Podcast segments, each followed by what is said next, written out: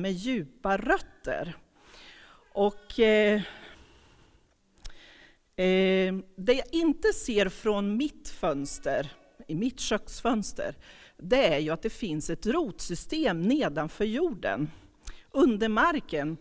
Ja, men träd, de har ju inte bara löv och grenar, de har ju också en rot som går ända ner i marken. Och det är inte bara en rot, utan det är ett helt rotsystem. Eh, man brukar ju säga ibland att rotsystemet är lika stort som där nere som det är där uppe. Det är ju svårt att tänka sig, men så är det. Och, och då har jag googlat lite och kollat varför har man ett rotsystem? Och då är det huvudsakligen, nu lagen, nu går jag in på områden som jag inte kan, du kan sånt här bättre tror jag, men jag, jag kör på här. Och då säger jag att den ena det är att ge stabilitet, så att det inte rör på sig. Och det andra är att det tar upp näring från marken, så att det liksom kan påverka hur trädet ser ut ovanpå jorden. Och att ett välmående rotsystem faktiskt påverkar skörden och frukten. Så där vill jag stanna. Rotsystemet, dels dess struktur och välmående, påverkar frukten och skörden. Det är ju sällan man tänker på det här med rotsystem när man är ute och promenerar i skogen. Eh, att det finns så mycket där under. Man tittar ju på det som är ovanför. Och att det, allt som är vackert där ovanpå faktiskt beror på att där under mår man bra, liksom, att det finns ett bra rotsystem. Eh, och så kan det också vara med församlingen. Att vårt rotsystem, det vill säga vår relation med Gud, påverkar hur vi fungerar och hur vi är som församling. Och det här jag kommer att ha en liten jämförelse. Så här blir en liten teaser. Eh, men först så tänkte jag att vi skulle läsa det, eh, den bibeltext som jag har fått. Och nu vet jag inte om det är väldigt litet, men jag läser högt så ni hör här. Det är från Efesierbrevet 3, 14-21. Därför böjer jag mina knän för Fadern, han från vilken allt vad Fader heter i himlen och på jorden har sitt namn. Jag ber att han i sin härlighets rikedom ska ge kraft och styrka åt er inre människa genom sin ande, och att Kristus genom tron ska bo i era hjärtan, och ni ska bli rotade och grundade i kärleken. Ni ska då tillsammans med alla de heliga kunna förstå bredden och längden och höjden och djupet och lära känna Kristi kärlek som går långt utöver vad någon kan förstå, så ska ni bli helt uppfyllda av Guds fullhet. Han som förmår göra långt mer än allt vi ber om eller tänker, genom den kraft som mäktigt verkar i oss. Honom tillhör äran i församlingen och i Kristus Jesus genom alla släktled i evigheternas evighet. Amen. Ja, men den här texten den är ju rätt maffig. Det går ju att dra många perspektiv. Vi hade ett litet samtal här, jag och Björn, innan och man, man kan dra många olika slutsatser. Men jag tänkte och har valt att prata om församlingens inifrån ut-perspektiv. Och eh, jag tänker att texten ger en viss sekvens, även om jag inte tänker att en sak kommer i taget, utan det är parallellrörelser. Så tänker jag att man söker Gud, får ta del av hans kraft, får uppleva hans kärlek och storhet, och med detta i bagaget får vi genom honom verka i samhället och i världen där vi finns. Så då har ni fått en liten sammanfattning, och nu ska jag börja att ta punkt för punkt. Så den första punkten som jag tänkte handlar om att söka Herren och ta del av hans kraft. Och då tänkte jag läser om lite bibeltexter så man vet vart jag är i den här texten. Och då är jag på vers 16 och 17. Jag ber att han i sin härlighets rikedom ska ge kraft och styrka åt er inre människa genom sin ande och att Kristus genom tron ska bo i era hjärtan och ni ska bli rotade och grundade i kärleken. Det här handlar ju väldigt mycket om vårt rotsystem. Att ge näring och stabilitet i vårt inre liv. Att söka Gud och vårda vår relation med Gud, att växa och fördjupas, ja, det är viktigt. Vi behöver det. Vi behöver läsa Bibeln och be för att öka vår intimitet med Gud. Det är viktigt. Och när vi gör det, ja, då får vi den här närheten. Och jag vet, vi brottas alla med hur ska vi hinna? Vad ska vi prioritera? Jag brottas själv med det varje dag, att avsätta tid för detta, men det är viktigt. Det är viktigt för vi behöver förstå vad Gud har för tankar för oss och genom oss, så att vi kan höra hans röst och få förvandlas av honom. Nu är det så här, när jag predikar, då har jag alltid exempel från människor jag möter i mina mission, på mina missionsresor.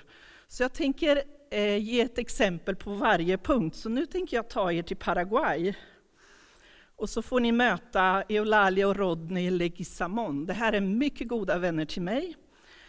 Jag brukar säga att när jag är ute och reser i Latinamerika framför allt, då utmanas jag i tron. För människor där har så naturlig relation med Gud och är så vana att ha drömmar och tilltal. Och det utmanar ju mig, för det är ju samma Gud som är här. Det är ju samma kraft som vi har här. Så vad är det som hindrar oss? Eulalia och Rodney lärde jag känna då för 16 år sedan när jag började på IFK. Jag hade hand om det sociala arbetet åkte ner till Paraguay. Hon var ledare för det sociala arbetet och han var ansvarig för den teologiska delen av samfundet. Man kunde lätt se att de levde ganska separata liv. De eh, hade sina egna uppgifter, väldigt lite tid som familj tillsammans. Och man undrar, hur ska det här gå? Liksom? Efter några år så blev de kallade att plantera en församling i huvudstaden Asunción. Och jag vet inte om ni vet, man hör ju att i Latinamerika växer kyrkan så snabbt, men Paraguay är inte ett av de länderna. Här får man slita för att grunda församling. Så de flyttar dit till ett vakuum, det händer ingenting. De blir deprimerade, de tycker det är jättesvårt. Jag vet första årskonferensen när de kommer och ska ge en rapport från sitt arbete, då hade de en lista på vad man inte ska göra för att plantera en församling i Asunción. Då förstår ni, här är människor som har försökt och försökt och försökt. Men mitt i det här så träffar de ett par från USA som kommer och som har en profetisk tjänst och som profeterar över deras liv och säger ni kommer ha en profetisk tjänst som kommer vara, förändra hela det här samfundet.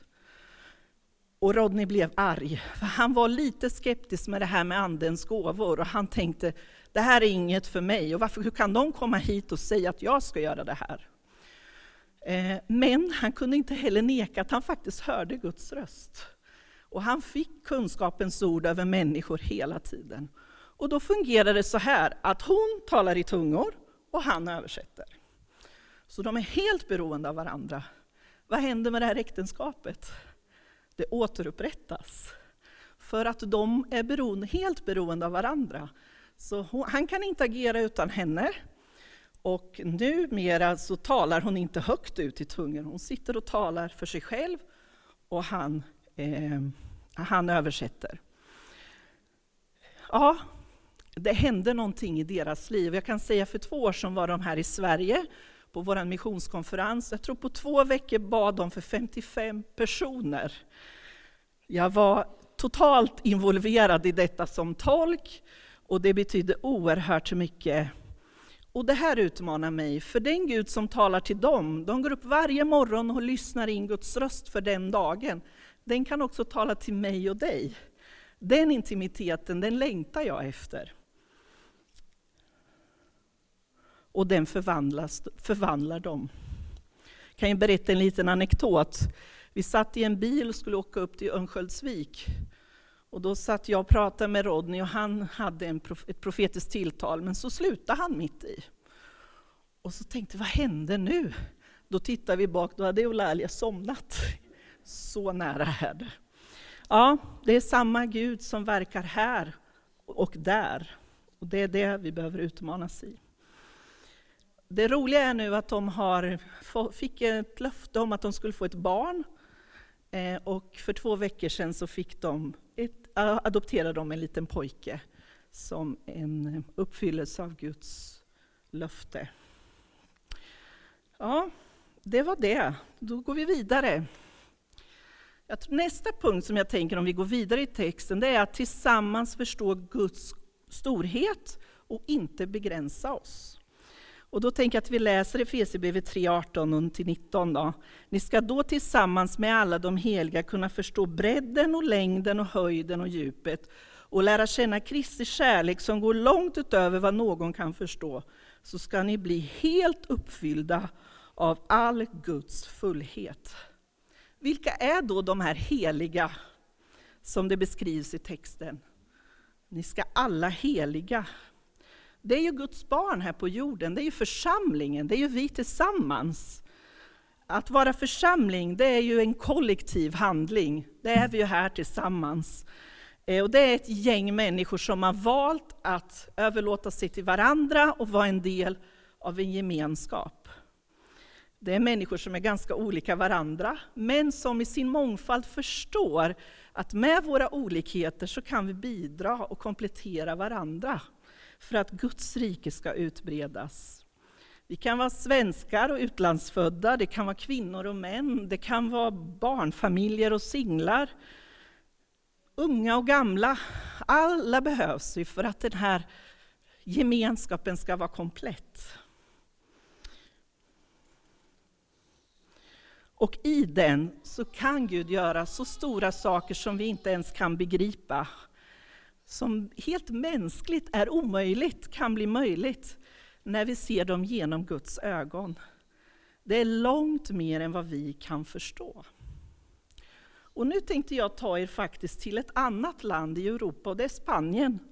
Och jag kom faktiskt därifrån i måndags, så jag har väldigt många fräscha intryck jag var där i åtta dagar och besökte våra utsända, eh, Ferro och Anna Maria Mehmedovic som har funnits då i Spanien i sju år. Jag kommer visa lite bilder, jag ber er att inte ta kort för de här är lite sekretess på, så att, jag, att vi håller dem i den här salen bara. När Ferro och Anna Maria flyttade till Spanien för sju år sedan då kommer man, man kan ju tro att ja, men det är ju katolskt där och de är väl redan frälsta. Men det är faktiskt så att Spanien och Sverige lite tävlar om att vara Europas mest sekulariserade länder. Så där är inte alls stort. Och många ateister och många som lämnar katolska kyrkan. Och det är ganska hårt. Och det de börjar vara att tänka, hur ska vi nå spanjoren? Lite innan de flyttade till Spanien så gick Ferro med i en MC-klubb, en kristen som heter Tribe of Judah. Men han tänkte, det här gör jag ju på min hobby, jag har min hoj och jag kör lite. Och när de hade varit några år i Spanien och också försökt massor med olika grejer för att se hur de kunde nå människor, så upptäckte han att det fanns massor med MC-klubbar i Valencia, som är den stad som de bor i. Det är den staden, i tredje största så här med mc-gäng i hela Europa. Stad alltså. Så då tänkte de, det här har vi ju ett missionsfält. Liksom. Här ska vi in. Och man började att ta lite smått eh, steg in i det här. Och på kortet här så ser ni, det här är Färre han med skägg som står upp, så snart vet man inte vem som är missionären och vem som är MC-knutten. Och sen de andra som sitter här är en del av det team som vi håller på att träna upp för att jobba. Så man är nu en egen chapter. Men man började få kontakt även med tyngre klubbar, jag kommer inte nämna namn, men ni kan ju förstå vad jag pratar om. Och eh, blev mottagna på ett sätt som man inte hade förväntat sig. Och Gud började tala med de här människorna. Och de började komma till Färro. De visste att han var pastor, men att han var en del av klubbarna. Så han åkte dit och han fick djupa samtal på nätterna. Det är ingen rolig miljö. Jag har varit ute med honom. Det är rökigt, det är hårdrock. Det är ganska tufft. Men han känner en passion för det här. För han har sagt till mig, jag är kallad att gå dit ingen annan vill gå. Vad händer då i den här miljön? Jo, han får förtroendefulla relationer. Men sen kommer ju pandemin. Och vad händer då? Jo, det blir lockdown. De sitter tre månader instängda i sitt hus. Jag tror vi i Sverige förstår inte vad den här pandemin har varit. Fick endast gå ut och gå till apoteket och till eh, mataffären, en i familjen, en gång i veckan. Det åkte radiobilar runt på gatorna som ropade ut, ni får inte lämna era hus, ni måste vara kvar. Och det var som en krigszon. Och det här vart ju väldigt jobbigt. Jag följde dem ju hela tiden. Vi brukar ha avstämningssamtal varje månad, men nu börjar vi ha avstämningssamtal varje vecka. Det var inte mycket jag kunde göra, jag satt ju hemma ensam i min lägenhet, men vi bad tillsammans. Och den stora oron var, vad händer med alla relationer? Kommer de försvinna nu under pandemin? Kommer det bara, ja, vi har inget kvar, vi får börja om från noll. Sen när det börjar lätta och man börjar träffas igen, så upptäckte ju Färre och Anna-Maria att nej, det har hänt så mycket, så vi kanske har gått två år framåt i deras utveckling, för Gud har verkat i deras liv under den här tiden. Så sa han till mig en gång, oh, jag kan gå in i lockdown tre månader till om det ger det här resultatet. Då känns det ju faktiskt meningsfullt. Ja, nu har eh, flera kommit till tro, gett sitt liv till Jesus från de värsta klubbarna. Och här har ni några av dem som vi har relation till. Och då börjar man fundera, vart ska vi slussa in de här i församling? Vilken församling? Det är inte vilken församling som helst som man kan dra in de här. Och det blir en utmaning för oss. Och vi börjar samtala och det växer och relationerna växer. I april här nu fick vi möjlighet att ha Blessing of the Bikes. Det är en gudstjänst i en utomhusbio. Fick faktiskt okej okay från polisen att ha det, det var ju mitt i pandemin. Och eh, där var och en fick en, en liten armband med bibeltext, där många går runt med de här bibeltexterna på armen. Och vi börjar se, och hur ska vi gå vidare? Och då kommer vi i kontakt med en församling i Valencia, där de bara omfamnar det här arbetet. Och där de säger så här, ja, när Ferro är med på gudstjänst, som han ser ut med sin väst och sitt skägg, ja, det visar att det här är en församling för alla människor. För det, det blir en symbol för det. Och människor kommer rent spontant, så söndagen innan jag var där så kom en av de här knuttarna och var med på gudstjänst, helt naturligt. Och nu när jag var ute, han som är, vad blir det, han här då? Är Alex San Pedro som är pastor i församlingen. Vi fick gå in och titta. Deras församling har växt enormt under pandemin. Så nu har de köpt en industrilokal och här funderar man, hur ska vi som församling vara en del av det här samhället? Ja, nu är det ju många som inte jobbar på kontor, så jag tror vi gör en, en arbetsplats här i församlingen. Så i veckorna kan folk komma och jobba och ha wifi. Och så sa han till mig, och vi kommer ge er en klubblokal nu. Så vi kommer ge er en plats där ni kan bygga en klubblokal, för vi behöver ju ha plats och ha alfakurser, bibelstudier för att de här människorna ska växa vidare. Så det var en av de grejerna. Ifall ni undrar vad jag håller på med i min tjänst, så är det en av grejerna jag gör. Det är att kontakta, prata om partnerskap, hur vi ska jobba tillsammans, vilka resurser vi ger och vilka resurser de ger och så vidare. Så här har ni då för övrigt då Ferro och Anna-Marie. Det är en, ett exempel på det här med församling, att göra tillsammans och att vara en del av något större. För nu kan vi jobba vidare, för nu har vi den basen för det här arbetet. Och sen får jag säga personligen, det är ett privilegium att få vara med om alla de här grejerna. Ni kan ju bara ana hur roligt det är. Ja, och så punkt tre då. Och det är att förstå att Gud har en plan med oss som församling och vill utmana oss till tjänst. Och då läser Efesierbrevet 3, 20, 21. Han som förmår göra långt mer än allt vi ber om eller tänker genom den kraft som mäktigt verkar i oss. Honom tillhör äran i församlingen och i Kristus Jesus genom alla släktled i evigheternas evighet. Amen. Han som förmår göra mer. Ja, Gud är allsmäktig och han kan agera som han vill. Han har den makten. Men det fina är, det är att han räknar med samarbete med oss. Man brukar ju säga lite så här, vi ska vara Guds händer och fötter. Jag tror vi ska vara ännu mer än det. Men han räknar med att vi ska finnas med i hans verk, i hans mission. Och det för att Guds rike ska kunna utbredas. I de föregående punkterna pratade jag kanske mer om rotsystemet under jorden. Nu börjar vi röra oss ovanför mark lite, bra, lite grann. Nu börjar vi tala om frukten och skörden. Förmår rotsystemet bra under jorden, där vårt hjärta som församling får klappa i takt med Guds hjärta, så genererar det ovan jord frukt i form av människor som blir upprättade för in i Guds rike. Att bara ha gudstjänst och möten för att vi själva ska uppbyggas, det är inte ett mål i sig. Utan det ska leda till att vår tro fördjupas, att vi byggs upp för att vi ska börja längta att tjäna Gud. Precis som med trädet finns det ett mål med det gedigna rotsystemet. Och det är att få trädet att bära god frukt.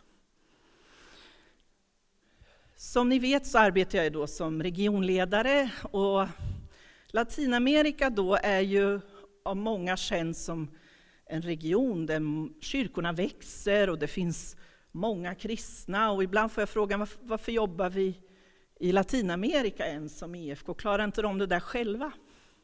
Och då genom åren har jag sett hur den här stora kyrkan som det finns i många länder som Brasilien, Argentina, Peru, ja, den lever sitt lilla egna liv.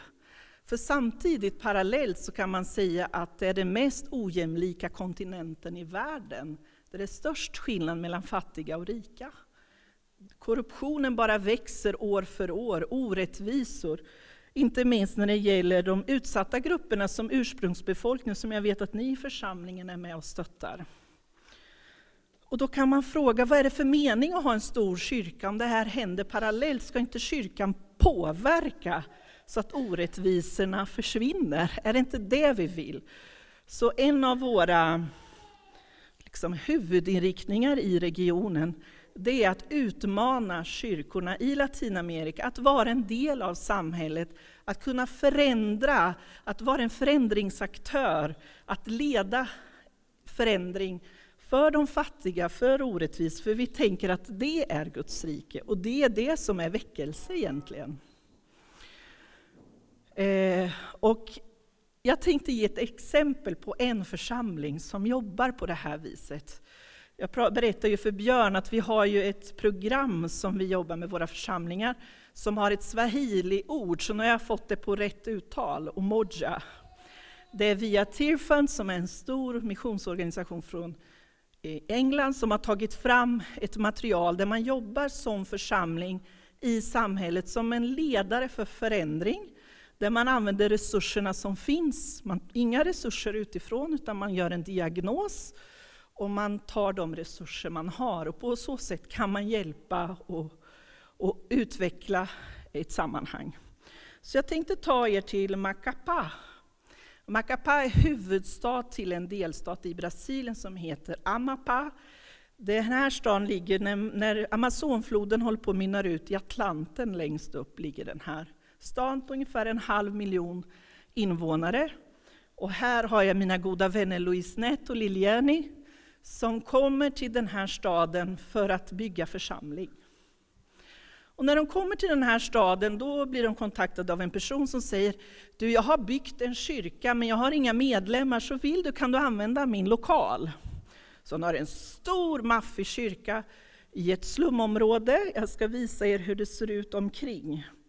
Det här är alltså som eh, hus som är byggda på Amazonfloden kan man säga, så det är broar som man går emellan. Och det är ju en invasion, ingen äger ju liksom stället.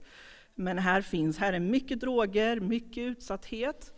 Och de börjar då att, att bygga en församling. Stort miljöproblem också, för att i det här vattnet kommer ju avlopp och dricksvatten allt i ett. Liksom. Och, men de tänker så här, nej men nu börjar vi jobba här i församlingen, kontaktar människor och eh, börjar med en liten enkel barnverksamhet.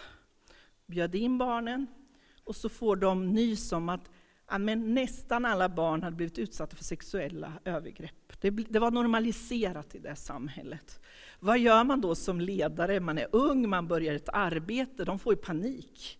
Så de köper ett gäng madrasser, lägger ut i kyrkan så att barnen kan komma dit för att vara säkra och trygga.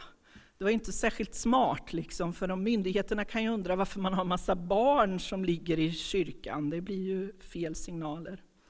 Men där har vår samarbetspartner då hjälpt dem genom det här Omoja att börja jobba med samhället. Det första de gör det är att kyrkan blir en lokal som man använder för samhällsaktiviteter under veckan. Så om ni ser att det är som ränder så är det badminton. Så de tränar badminton med barnen. Det finns en klättervägg på, som man kan ha och Louise Netto säger till mig, men vadå, vi måste ju finnas för det här samhället, de här barnen har ingenstans att ta vägen, det finns ingen lekplats. Låt oss göra det, och så på söndagen kan vi ställa in stolar och ha gudstjänst här. Det är ett sätt att jobba med det här. Louise Netto är inte en pastor som går runt i kavaj och med Bibeln under armen som en del latinamerikanska pastorer. Han tar på sig flipfloppen och sina shorts och går man en runda med honom i jättevärme, jag kan inte beskriva hur varmt det är, så ser man att han är känd av hela samhället. Och han sa till mig, jag är inte pastor för den här församlingen, jag är pastor för den här stadsdelen. Jag känner mig, jag är ansvarig för det här.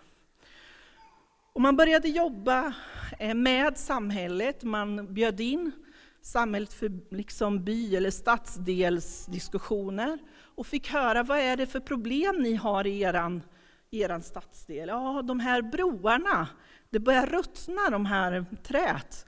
Och vi hade en kille i rullstol, han ramlade i det här smutsiga vattnet. Okej, ja, hur ska vi göra då? Ja, men vi behöver laga dem här, vi kan inte vänta på kommunen. Ja, då säger en, ja men jag har några träbitar hemma, och så säger någon annan, jag har spikar. Ja, och så blir kyrkan en processledare i det. Och jag var faktiskt där en gång när kommunen var och skulle syna de här broarna. Då gick de runt och precis vid kyrkan sa ja här är det inga problem. Och då visste jag att det, där hade de ju faktiskt gjort ett arbete. Likaså det här smutsiga vattnet. Där la man i eh, rör i det här för dricksvatten. Så det gjorde församlingen tillsammans med byn för att man skulle kunna få rent vatten och så vidare. Det var gatbelysning, allt möjligt. Och det fina är att man tar de resurser som finns på plats. Idag har man ett stort arbete, man jobbar med ett hundratal barn i den här kyrkan. Och det är också en del av det vi kallar för Barnhjälpen, som är Evangeliska Frikyrkans fadderprogram. Ja, det är ett exempel på en församling som har förstått hur man kan betjäna sitt samhälle. Det roliga med den här Omoja är att den börjar komma till Europa nu. Och jag har faktiskt varit och presenterat den hos Bilda. Och också vet jag att det är en kyrka i Nederländerna som börjar använda den, för man kan anpassa den efter också våra, eh, vårat samhälle. Eh, ja. ja, men eh, nu börjar jag gå ner för landning, ifall ni börjar oroa er att jag drar ut på tiden. Men Gud han kallar ju sin församling till ett unikt uppdrag i världen. Och det är ju att vara hans händer och fötter och röst och kropp här på jorden. Såklart så är ju utmaningarna olika i olika länder. Mycket av det jag har berättat här känner inte ni igen er. Men det finns för oss alla. Ehm. Och jag tror att det är viktigt att vi får komma inför Gud. Liksom och lägga fram de talanger och de gåvor som finns i församlingen här, precis som vi gör när vi gör en sån här omoja, vi gör en diagnos av behoven. Vad finns det för behov runt vår kyrka? Vad har vi för resurser, talanger i vår församling? Och då brukar man kunna hitta en ganska tydlig väg framåt. I texten så står det att han som förmår göra långt mer än allt vi ber om eller tänker genom den kraft som är mäktig och verkar i oss. Och det är faktiskt samma kraft som verkar hos Rodney Eulalie i Paraguay, hos Ferro i Spanien, hos Luis Neto och Liliani i Brasilien. Det är precis samma kraft som vi har tillgång till här i Norrköping. Och genom den kraft som vi kan få så kan vi tillsammans med Gud göra långt mer än vad vi kan ana. Vi kommer inför Gud, vi hämtar kraft ifrån honom. Det gör oss stabila, så även om vindarna blåser omkring oss så vacklar vi inte. Vi känner Gud och vårt hjärta klappar i takt med Guds hjärta. Och med den närheten och kraften kan vi öppnas upp och, och se vad Gud vill göra genom oss, där vi finns idag. Och vi får drivkraft att kunna förändra världen tillsammans som församling. Tillsammans är vi starkare, vi kompletterar varandra, vi har unika gåvor och kan göra skillnad för de som behöver ta emot Gud och upprättas som människor. Jag tänkte jag skulle läsa en liten dikt här i slutet som jag hörde. Det är faktiskt Stefan Edman. Och när, jag, när jag läser jag i dikten så tänker jag att det blir vi som församling då. Trädet, Gud, jag vill växa som trädet, djupt förankrad i jordens källsprång, samtidigt vänd mot ljus och himmel. Gud, jag vill växa som trädet med knoppar som öppnas, med blommor som doftar, ständigt förgrenad till systrar och bröder. Gud, jag vill växa som grenen i dig som är trädet, fyllt av din sav, av din kärlek och nåd, av ditt hopp som förnyar. Och då är det så här att den här predikan ska inte komma som en tyngd över er. Den här predikan är för att uppmuntra och utmana. Det är min mening med det. Så jag skulle vilja utmana er att tänka, lyssna in vad Gud vill för er församling. Vad han kallat er till att gå in i. Vilka målgrupper finns det i Norrköping och över världen som han har lagt på ert hjärta? Vilka projekt i världen ska ni stötta som församling?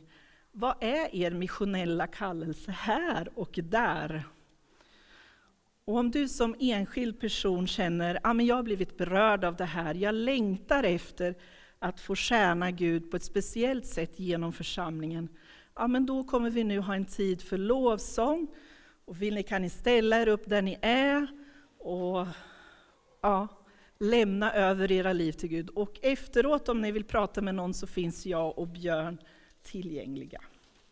Jag ska bara be en bön här innan jag sluta. Tack Jesus för att vi får vara dina barn. Tack för att vi är kallade till ditt verk allihopa.